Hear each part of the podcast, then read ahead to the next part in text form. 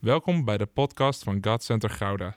Vanaf deze plek willen we jou inspireren, motiveren en activeren om op een praktische manier je dagelijks leven met God vorm te geven.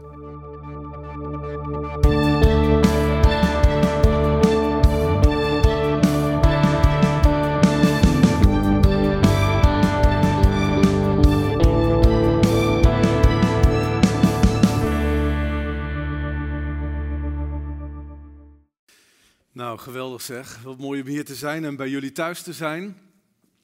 Jeroen zei het al, het is hier erg koud. En eh, misschien ook even een applausje voor de band die hier al vanochtend vanaf 8 uur staat te oefenen. Met ijskoude vingers. ja, en eh, dan toch ja, zoveel geluid en aanbidding en kracht weet voor te brengen. Uh, misschien juist wel door de kou. Soms is het goed om juist in uh, moeilijke omstandigheden te doen wat je op dat moment eigenlijk niet kan doen. En dat is ook waar ik over wil spreken. Over hoe je juist in een tijd van kilte en koude warmte kunt brengen in, in het land. Hoe je juist nu overwinning kunt behalen, terwijl alles lijkt te wijzen op defeat, op uh, verlies. Maar voordat ik dat doe, wil ik ook Jeroen dankte net al en zei iets. En ik ben hier zelf ook gekomen met een hart van dankbaarheid. Want als ik uh, bedenk hoe wij uh, ook, ik vertel eigenlijk zelf weinig over onze stichting in preken. Als ik in de kerk ben, denk ik altijd, het gaat om het woord van God. Maar ik vind het toch mooi om jullie als uh, God Center Gouda en Jeroen en Petra, jullie natuurlijk als degene die een beetje voorop lopen, samen met de oudsten en de, de, alle teams en de coördinatoren, om te bedanken voor de zegen die jullie ook zijn voor ons. Presence is wat meer een landelijke bediening. Uh, en um, dan kan je je soms wel eens wat verlaten voelen, omdat je geen lokale basis hebt, geen lokale plek hebt om je thuis te voelen. Wij zijn zelf als gezin verbonden aan Mozaïek in, um, in Venendaal, Mozaïek 0318. Maar um, ja, verbondenheid met de kerk, die is er natuurlijk wel gewoon in je hart. Maar uh, het was voor ons ook een heel groot voorrecht toen jullie hier vanuit Gouda de eerste gemeente waren die ook zeiden van we willen jullie maandelijks gaan ondersteunen.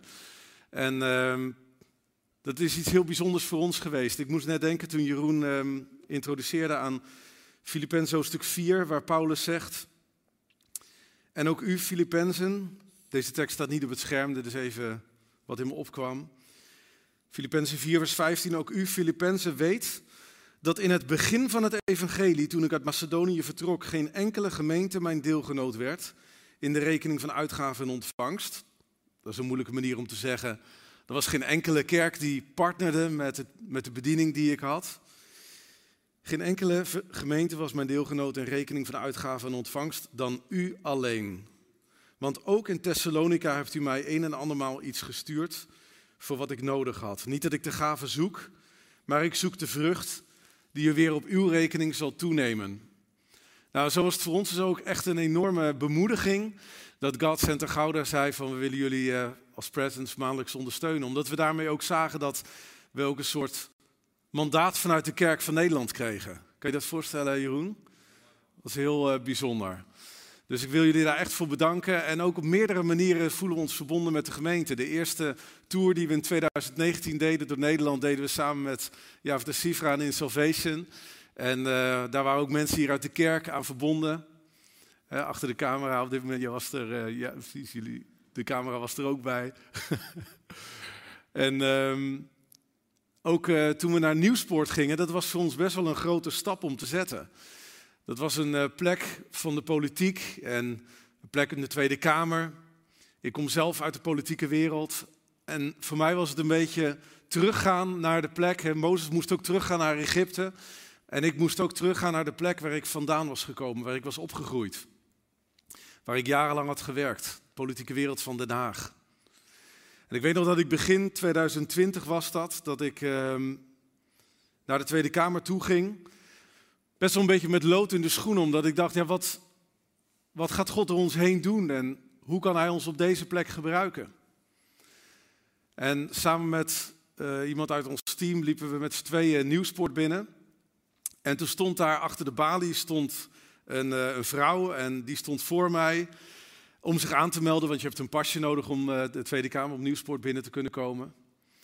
en ik wachtte geduldig op mijn beurt, totdat ik ook dat pasje kreeg. En toen keerde die vrouw, die uh, ja, jonge, jonge vrouw, keerde zich om en die keek me aan en die zei, jij bent toch Wim Hodderbach? Ik zei, ja, dat, uh, dat klopt inderdaad, maar ik, ik, vond het heel grappig dat iemand mij herkende, omdat ik al jaren uit die wereld weg was. En toen zei ik van, waar kennen we elkaar van? Nou, zei ze, ik, ik leidde de worship op een bijeenkomst waar jij sprak in Zoetermeer. Nou, dat was Benita. Benita, waar ben je? Ja. En Benita is in het dagelijks leven uh, ook ZZP'er als vlogger. En had daar net een congres waar ze vlogger zou zijn. Of tenminste, ze zou dat gaan voorbereiden. En het was zo bijzonder, want wij kwamen op die plek om worship te brengen. En de eerste persoon die ik ontmoette op die plek was een christen die het woord worship uitsprak. En dat was voor ons echt een bevestiging dat God zou gaan doen, wat hij later ook heeft gedaan, dat we daar inderdaad zouden komen. En ook daarna, toen we in een volgend seizoen gebedsbijeenkomsten gingen organiseren. Toen was daar weer God Center Gouda die hun camera's uitleende aan ons. En uh, cameramensen en een heel team. Zodat we de geloofstap konden zetten om daar naartoe te gaan. Nou, een lange inleiding. Maar ik wil jullie gewoon zeggen, wees gezegend als kerk. Want je bent enorm tot zegen. Niet alleen van Gouda. En niet alleen via de livestream op dit moment voor de mensen thuis. Maar ook voor heel Nederland. Niet alleen door je gaven, maar ook door gewoon de mensen die hier rondlopen en die een enorme roeping hebben, ook voor het land. En zo kun je als gemeente tot zegen zijn van een heel land. Nou, dan zijn we ook meteen bij het thema van deze ochtend. God gaat het doen. Bij God is het mogelijk dat één gemeente een heel land verovert. Bij God is het mogelijk dat één mens een hele omgeving op de kop zet voor Jezus. Bij God is het mogelijk dat iemand die een kantoorbaan heeft, Doordat hij niet zwijgt over Jezus, een heel kantoor in vuur en vlam zet. Bij God is het mogelijk dat een eenling geroepen wordt om een grote groep mensen in beweging te zetten voor Jezus. En daarom wil ik het verhaal van Gideon lezen. Het is niet echt een romantisch um, 14 februari Valentijnsverhaal. Uh, het is toch een beetje alsof je gaat naar een kerk waar je warmte verwacht en dat je dan in een ijzige kou terechtkomt. Zo voelde Gideon zich. ik ben zelf ben ik uh, afgelopen week mijn enkel verstuikt met het sleeën. En het was heel gezellig om te sleeën met mijn zoontje. Maar ik wist niet dat er na een aantal dagen zouden komen waarop we ook zouden kunnen schaatsen. dus dat sleeën zorgde ervoor dat ik niet meer kan schaatsen op dit moment. Dat is niet leuk. Maar dat was allemaal een beetje hoe Gideon zich voelde. Hij wilde graag er zijn voor God. En hij wilde graag, net zoals zijn voorvader Jozef. Hij kwam uit de stam van Jozef wilde hij ongetwijfeld van betekenis zijn voor Israël. Maar hij kwam van de koude kermis thuis. Maar toch ontmoette hij God op die plek. Zoals wij vandaag ook hier vanuit deze toch een beetje koude. Wees maar blij dat je thuis zit trouwens. Vanuit deze koude kerk, dat we toch blij zijn dat we elkaar ontmoeten, omdat hier Jezus verschijnt, net zoals bij jou thuis. En uh, daarom gaan we het verhaal van Gideon lezen op deze Valentijnsdag. Maar staat er dan in Richteren 6, vers 1. Maar de Israëlieten deden wat slecht was in de ogen van de Heer. Toen gaf de Heer hen over in de hand van Midian zeven jaar lang. Dat betekent een oneindig lange tijd. Lange tijd. Oh, jullie zijn gewend om te staan tijdens de... Ah, mooi. Ja, laten we dat doen. Even de benen strekken. Super. Ook even thuis allemaal, een beetje strekken. Geef elkaar even een lekkere knuffel, omdat we het woord van God ingaan. Maar de Israëlieten deden wat slecht was. Ja, dat is niet echt een knuffeltekst. Geef elkaar lekker een knuffel. Maar de Israëlieten deden wat slecht was. Oké, we gaan opnieuw beginnen. We staan allemaal voor het woord van God, voor het woord van de Heer. Uit eerbied en ontzag voor God, want hij spreekt. Richter 6 vers 1. Maar de Israëlieten deden wat slecht was in de ogen van de Heer. Toen gaf de Heer hen over in de macht van Midian. Zeven jaar. Toen Midian de overhand kreeg over de Israëlieten, maakten de Israëlieten, vanwege Midian, voor zichzelf de holen gereed die in de bergen zijn. En de grotten en de bergvestingen. Want het gebeurde telkens als Israël gezaaid had, dat Midian optrok. Ook Amalek en de mensen van het oosten trokken tegen hen op. En wat deden ze dan? Ze sloegen hun kamp tegen hen op en deden de opbrengst van het land niet tot waar men bij Gaza komt. Volgens mij lees ik een andere vertaling dan hier staat, of niet? Ja, maar maakt niet uit. Degenen die nieuwe Bijbelvertaling lezen, die lezen mee op het scherm. En degenen die herziene staatvertaling op dit moment hebben thuis, die hebben hem waarschijnlijk toch al op hun schoot. Want dat zijn de mensen die uh, heel graag allemaal de Bijbel in hun hand willen hebben. Dus dan lees je gewoon even mee. Ja, dus scherm, nieuwe Bijbelvertaling, Bijbel op schoot. Lees je even, luister je mee. Oké, vers 4 waren we. Dan sloegen zij hun kamp tegen hen op en deden de opbrengst van het land niet tot waar men bij Gaza komt. En ze lieten in Israël niets over om van te leven. Geen schaap, geen rund en geen ezel. gaan we verder naar vers 11. Toen, dus op dat moment, op dat dieptepunt, in die ijzige kou, op dat dieptepunt van de geschiedenis van Israël, toen. Toen kwam een engel van de Heere. Hij nam plaats onder de eik die bij Ofra is. Vandaag zou hij misschien wel in de Ofra Winfrey Show zijn gekomen. Ik weet niet of die nog bestaat, maar dat was in elk geval toen de eik van, die bij Ofra is. Die aan de Ibiezeriet Joas toebehoorde. En zijn zoon, Gideon, klopte tarwe uit in de wijnpers om die voor de Midianieten te verbergen. Toen verscheen de engel van de Heere aan hem en zei tegen hem, de Heere is met u, strijdbare held. Ik hou me nu in om hier niks over te vertellen, omdat we staan voor het woord van God. Maar het is bijzonder wat God hier zegt. Maar staat er dan. Elke keer aan het begin van het vers staat of toen of maar. Moet je opletten. Dus toen is het, toen verscheen God. En maar, dat is het moment dat Gideon tegen God begint te spreken. Maar. Maar Gideon zei tegen hem: Och, mijn Heer, als de Heer dan met ons is, waarom overkomt ons dan dit alles? En waar zijn al de wonderen waarover onze vaderen, Jozef en al die anderen, waarover onze vaderen ons verteld hebben? Toen ze zeiden, nou in dit geval was het Mozes, toen ze zeiden, toen heeft de Heer ons niet uit Egypte op doen trekken. Maar nu op dit moment heeft de Heer ons verlaten en ons in de hand van de Midianieten gegeven. Toen wendde de Heere zich tot hem en zei, Gideon, ga in deze kracht van u. Met andere woorden, ga in de kracht die op dit moment al in je is. Je hebt het al in je. En u zult Israël uit de hand van de Midianieten verlossen. Heb ik u niet gezonden? Maar, Gideon zei tegen hem, och mijn heer, waarmee zal ik Israël verlossen? Zie, mijn geslacht is het armste in Manasse en ik ben ook nog eens de jongste in mijn familie. Maar, in dit geval een goede maar, maar de Heere zei tegen hem, omdat ik met u zult, zal zijn, zult u Midian verslaan, alsof het maar één man is. God gaat het doen. Zullen we dat gewoon even met elkaar zeggen? God gaat het doen. God gaat het doen. En thuis kun je ook, terwijl hier iedereen, dank jullie wel, we gaan lekker gaan zitten. Kun je dat thuis ook even in de comments zetten? God gaat het doen. Schrijf het maar even allemaal rechts of onderop. Schrijf het maar even op. God gaat het doen. Dat is het verhaal van Gideon. God gaat het doen. Gideon betekent hakker. Niet hacker. Gideon betekent hakker. Gideon was iemand die misschien gewend was om er een beetje op in te hakken. Om te stampen. Om te, dat is ook letterlijk wat hij doet op het moment dat hij Jezus verschijnt. Wat was hij aan het doen? Hij was het tarwe aan het stampen. Auw, kneusde enkel. Hij was een tarwe aan het stampen. En zijn naam betekent hakker. Ja, dus het was een man die erop los kon hakken. Een man die vandaag zou die misschien wel, wat zou die doen? Hij zou misschien wel op het toetsenbord hakken. Hij zou misschien allerlei filmpjes doorsturen. Hij zou misschien vertellen wat er allemaal mis is in de maatschappij. Het was een hakker. Dat was misschien wel zijn natuurlijke aanleg. Dat was wie hij was. Dat was wat hij deed. En hij groeide op in die tijd waarin we aan het begin van hoofdstuk 6 hebben gelezen. Het was een tijd waarin de Israëlieten deden wat slecht was in de ogen van de Heer.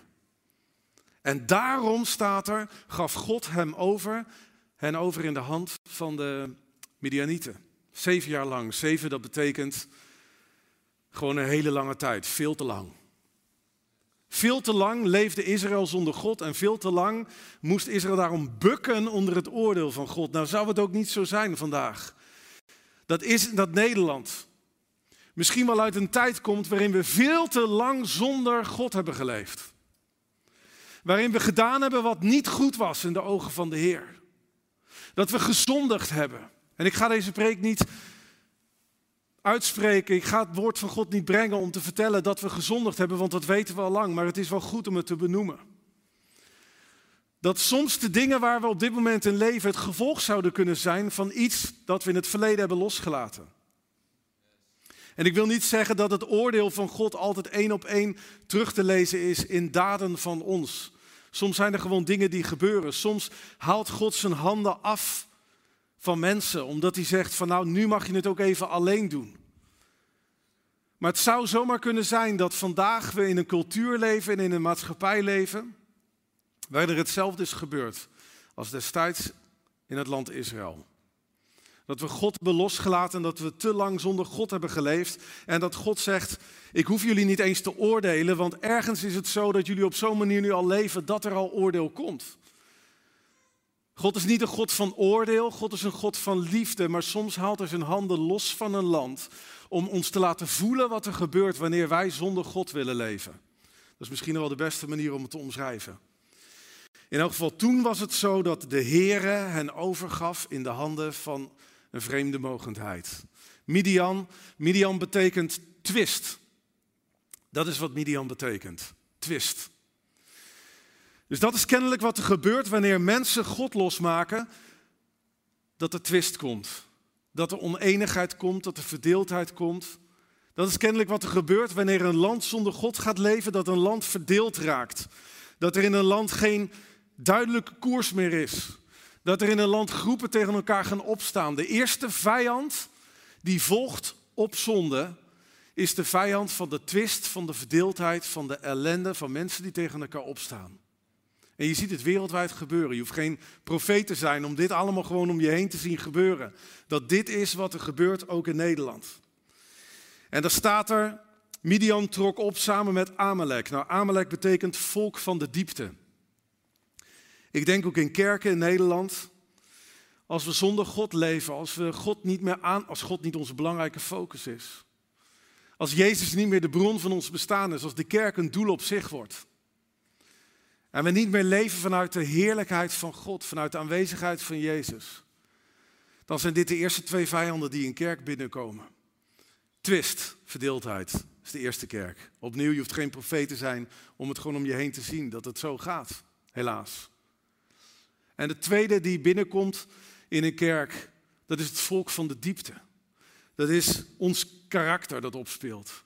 Dat is wat diep in ons leeft. Zelfs op Valentijnsdag kunnen we dan niet meer verbergen dat er dan in ons toch veel liefdeloosheid is. Nogmaals, het is niet het doel van mijn preek, maar ik wil het wel even benoemd hebben, omdat het gewoon zo goed is om gewoon de tijd te kennen waarin we leven. En ook omdat het mooi is dat God juist in zo'n situatie, dat God juist in zo'n tijd, dat Hij mensen roept. En dat is niet een groot volk, dat is niet een heel volk dat in één keer, het was niet in dit geval zoals in Handeling hoofdstuk 2, dat er een soort opwekking vanuit de hemel landde op een gemeente of dat er grote dingen gebeurden. Dit was niet, deze donkere tijd was niet de tijd van grote opwekking. Er komt een tijd van grote opwekking. Nou, toen even niet. Oh Heer, giet een stroom van levend water. Nou, toen even niet. Het was niet een volk dat op zijn kop werd gezet. Het was niet een gemeente waar een grote opwekking kwam. Het was gewoon het kleine wat God deed, dat uiteindelijk leidde tot een grote verandering in de omgeving. En misschien inderdaad wel opwekking, maar God begon klein in deze tijd. Hoe donkerder de tijd is waarin we leven, hoe scherper het licht kan schijnen vanuit één persoon. Alsof God wil zeggen, ik roep je één voor één om een land op zijn kop te zetten. vandaag ook. Want God gaat het doen. Het is niet zo dat God zegt, ik ga hele gemeenten groots roepen. En zoals je de opwekking had in Pensacola en zoals je de opwekking had in, op allerlei andere plekken in Nederland of in, in wereldwijd. Dat is misschien niet Gods boodschap vandaag. Vandaag zegt God de blessing, de zegen, Eén voor één, voor één voor één roep ik mensen om zout te zijn in de samenleving en liefde te verspreiden om ons heen. En toen riep hij Gideon, vers 11. Toen kwam een engel van de Heer, hij nam plaats onder de eik. Onder de eik, dat betekent dat is een plek die bekend was, een oude eik. Hij stond er al jarenlang. God verscheen niet op een hele nieuwe plek, God verscheen op een plek. Trouwens, ik preek af en toe even met mijn handen in mijn zak om ze even een beetje warm te maken. Dan... Uh, Weet u waarom? Niet dat er allerlei klachten komen van eh, de voorganger staat met zijn handen in de zak. Toen kwam een engel van de Heer en hij nam plaats onder de eik. Als God vernieuwing wil geven, als God iemand roept, doet hij dat vaak door te verschijnen op een plek die heel bekend is, die wat ouder is, die, waar we misschien al honderd keer voorbij zijn gelopen. Gewoon een eik langs de weg in dit geval. Gewoon de toonbank bij de bakkerij waar je werkt. Gewoon het bureau in het verzekeringskantoor waar je verzekeringen probeert te verkopen. Gewoon de auto waarin je altijd rijdt op weg naar de plek waar je elke dag naartoe gaat. Gewoon de sportschool waar je vandaag niet naartoe kan gaan, maar waar je normaal wel bent. God verschijnt op een plek die zo normaal is dat je hem bijna voorbij zou lopen. Dat is hoe roeping begint. Toch? Dat is hoe roeping begint. En je zou het bijna niet doorhebben, want als God verschijnt, dan wordt, als Jezus verschijnt, wordt alles nieuw. Maar we zien het niet altijd meteen. Toen kwam een engel van de Heer. Er staat niet dat er verschijnt, maar er stond hij kwam. En wat gebeurde er op die plek? Gideon klopte tarwe uit in de wijnpers. Nou, dat is niet een normale activiteit. Tarwe hoor je uit te kloppen, niet in de wijnpers, toch? Nee. De wijnpers is bedoeld om druiven te. om druiven, druiven te stampen. Ja. Dus uit de wijnpers hoort wat te komen? Wijn. En wijn staat symbool voor. En de gemeente riep. Vreugde. Of eh, overvloed. Hè? Dat is waar de wijn eh, symbool voor staat.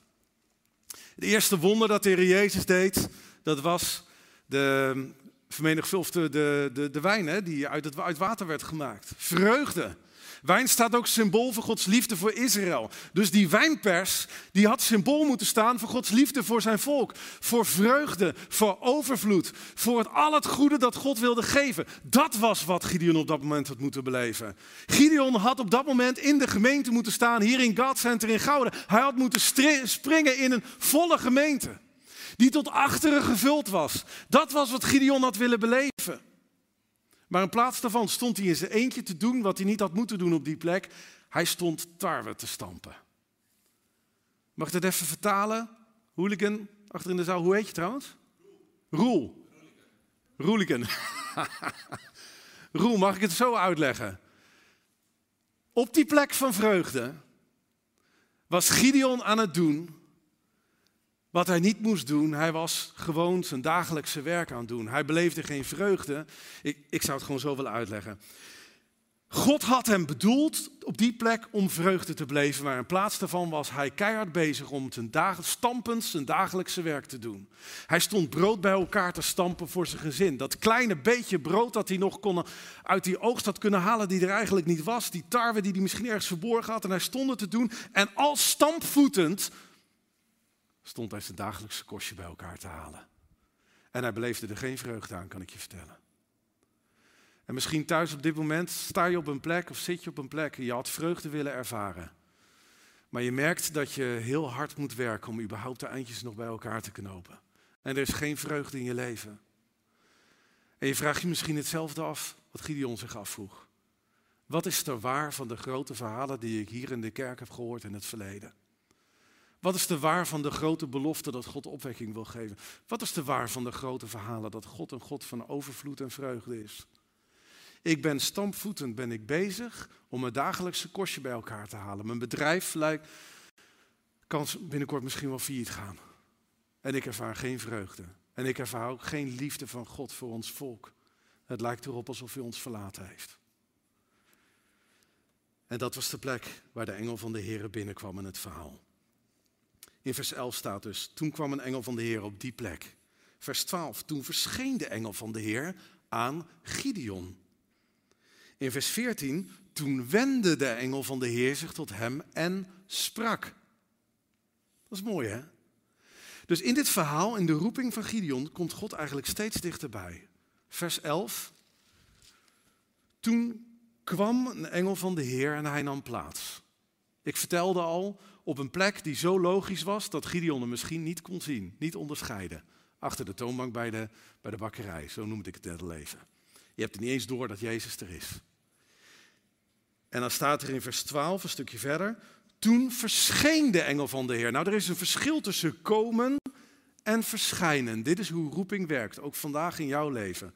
Je bent op een plek van diepe duisternis, of je bent op een plek van verlatenheid en je ervaart God niet. En je hebt het idee, Heere God, waar bent u op dit moment? Ik ben gewoon bezig om van 9 tot 5 mijn kostje bij elkaar te schrapen en ik ervaar er geen vreugde in. En dan staat er desondanks, toen kwam de engel van de Heer.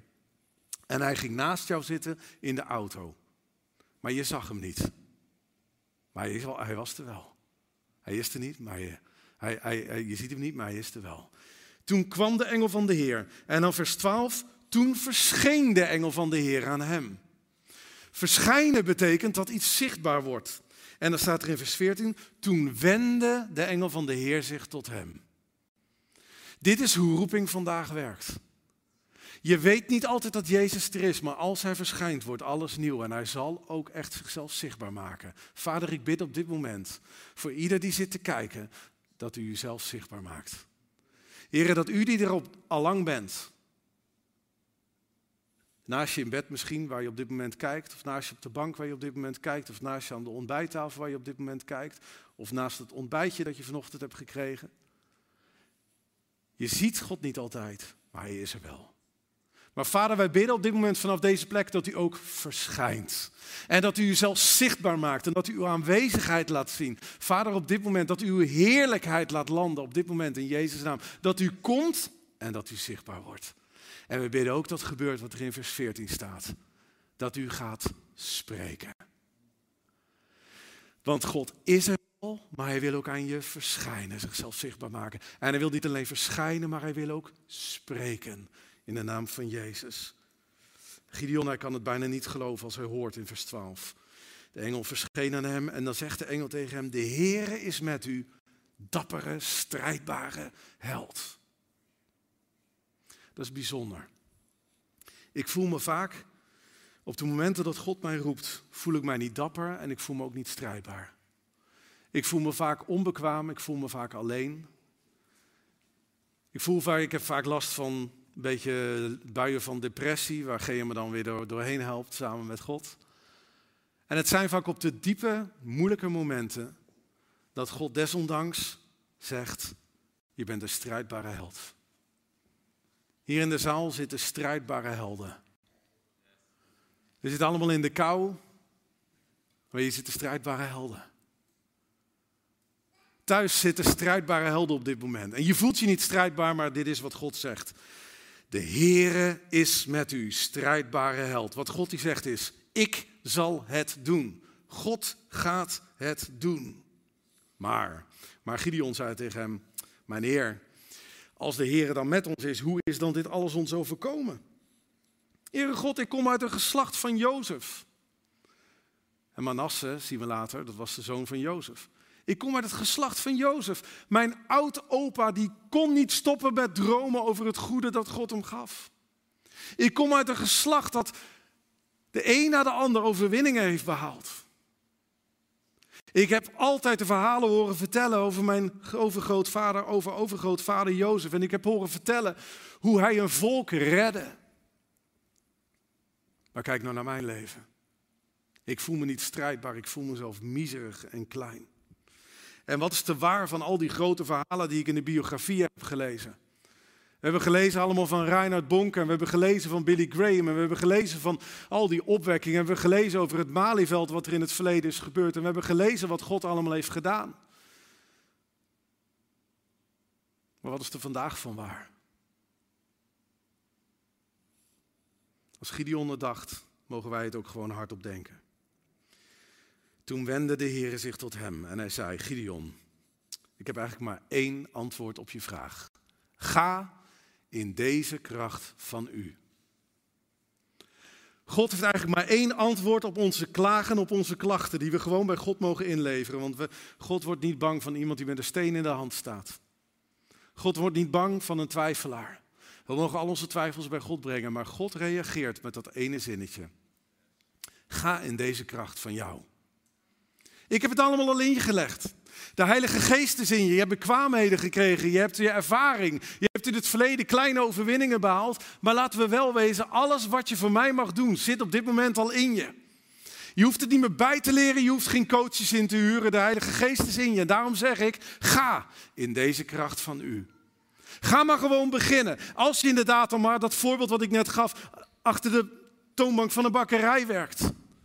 Begin dan maar gewoon te vragen, Heere God, wie is de eerste die ik mag bereiken met het evangelie? Je kunt niet heel Gouda op zijn kop zetten, maar als jij stroopwafels in Gouda maakt, kun je wel beginnen om die ene stroopwafelkoper te bereiken met het evangelie van Jezus. Al is het maar met je mooie glimlach. Ga in deze kracht van u. En u, niet Jozef, u, niet je voorvaderen, u, niet je vader Joas, die een mooie eik had. U, jij. Jij zult Gouda uit de handen van de Midianieten verlossen. Jij zult de kerk uit de handen van de twist verlossen. Jij zult Nederland uit de handen van de verdeler verlossen. U, jou, jij, heb ik u niet gezonden, zegt God dan. Maar, zegt Gideon, ik ben de armste, ik ben de kleinste, ik ben de jongste. Maar, de Heere zei tegen hem, waarom? Waarom zal Gods kracht in je zijn? Omdat ik met je ben. En daarom zul je de Midianieten verlossen alsof je een gevecht voerde met één man, staat er. En dit vind ik een geweldige, dit vind ik een geweldige bemoediging. Misschien dat de band alvast naar voren kan komen. Ik zal je niet te lang laten staan, beloven. Ik ga nog één dingetje zeggen. Hey, ik voel trouwens iets van warmte, klopt dat? Oh, er staat gewoon een kleine heater. Dank u, heer. Twee kilowatt. en dan ik, ik sta de aan die kant. Oh. U zult Midian verslaan alsof het maar één man is, hebben we net gelezen. En de hele zaal wordt niet onmiddellijk warm, maar één man, kijk, kan nog wel met twee kilowatt verwarmd worden. Halleluja. Dus dat is hoe God Gouda gaat verwarmen. Dat is hoe God een land inneemt. Misschien twee kilowatt per twee kilowatt. Stukje bij beetje, klein beetje, maar langzaamaan zal het warmer worden. Dat is hoe God een land verovert. Man voor man, vrouw voor vrouw, meter voor meter. En dat vind ik zo geweldig. Want we kunnen misschien wel uitzien naar een tijd van grote opwekking en we mogen ervoor blijven bidden. Maar weet je wat ik bijzonder vond? Ik kwam ergens een tekst tegen en dat was de zegen van Jozef. En ik geloof deze zegen heeft Gideon dag in dag uit vroeger over zijn eigen leven uit horen spreken. Het was de zegen van zijn familie, de zegen van zijn geslacht. Over Jozef staat er in Deuteronomium 33, vers 13. Over Jozef werd de volgende zegen uitgesproken. Mogen zijn land door de Heere gezegend worden met het beste van de hemel, met dauw. En toen ik dit las, toen dacht ik, dit is de zegenspreuk, Deuteronomium hoofdstuk 33, vers 13, die Gideon dag in dag uit, misschien elke ochtend en elke avond, over zijn leven hoorde uitspreken. De gezinszegen, de familiezegen. En wat zei God? God zei niet, laat de zegen en de opwekking met grote bakken uit de hemel over je neerdalen. Dat stond er niet. Er staat, over Jozef zei hij, mogen zijn land door de Heere gezegend zijn met het beste van de hemel, met dauw. En er staat er nog veel meer achter, maar dit is wat hij zei, met het beste van de hemel, met dauw. Mogen zijn land gezegend worden door de Heer met het beste van de hemel, met dauw. En toen dacht ik, zou dit de reden zijn dat die wankelmoedige Jozef dat vlies op de grond legde en tegen God zei, als hij inderdaad gesproken heeft, bedouw dan maar dit vlies. Begin dan maar met dit kleine stukje vlies waar de dauw vanuit de hemel op neerdaalt. Begin dan maar met een heel klein verwarmingje. Begin dan maar heel klein, Heere God. Het was geen daad van ongeloof, het was geen daad van twijfel, het was een grote daad van geloof. Dat Jozef dat vlies op de grond legde. En zei, Heere God, als u wil beginnen vandaag om dit land te veroveren, begin dan maar vliesje voor vliesje, dauw voor dauw voor dauw voor dauw. Want als u inderdaad een volk kan verslaan, man voor man, kunt u vlies voor vlies ook een land gaan zegenen. En zou het daarom niet kunnen, lieve mensen, dat juist in die tijd van de pandemie waar we in zitten en waar we uitkomen, dat misschien juist daarom wel dat lied, de blessing, zo'n belangrijke rol kreeg in de gemeente van Christus wereldwijd. Dat we beseften, het is niet meer alleen maar onze roep om opwekking, maar het is uw roep, Heer, dat u zegt, ik wil een land gaan zegenen. En ik heb nog 30 seconden over om te zeggen, God wil ons land gaan zegenen. En hij zal niet zozeer zeggen, ik ga een heel land op zijn kop zetten met opwekking vandaag. Misschien dat komt wel. Maar God zal het land gaan zegenen. Want als er iets onder de oude eik van de kerk van Nederland is uitgesproken, eeuwenlang, dan is het die tekst. De Heere zegene u en hij zal u behoeden. En de Heer zal zijn aangezicht over u doen lichten en hij zal je vrede geven. Hij zal de kerk zegenen. En de kerk die misschien niet gelooft in opwekking, heeft wel eeuwenlang beleden dat God zal zegenen. En als hij zal zegenen, dan zal hij ook dit volk verslaan in de naam van Jezus. Amen.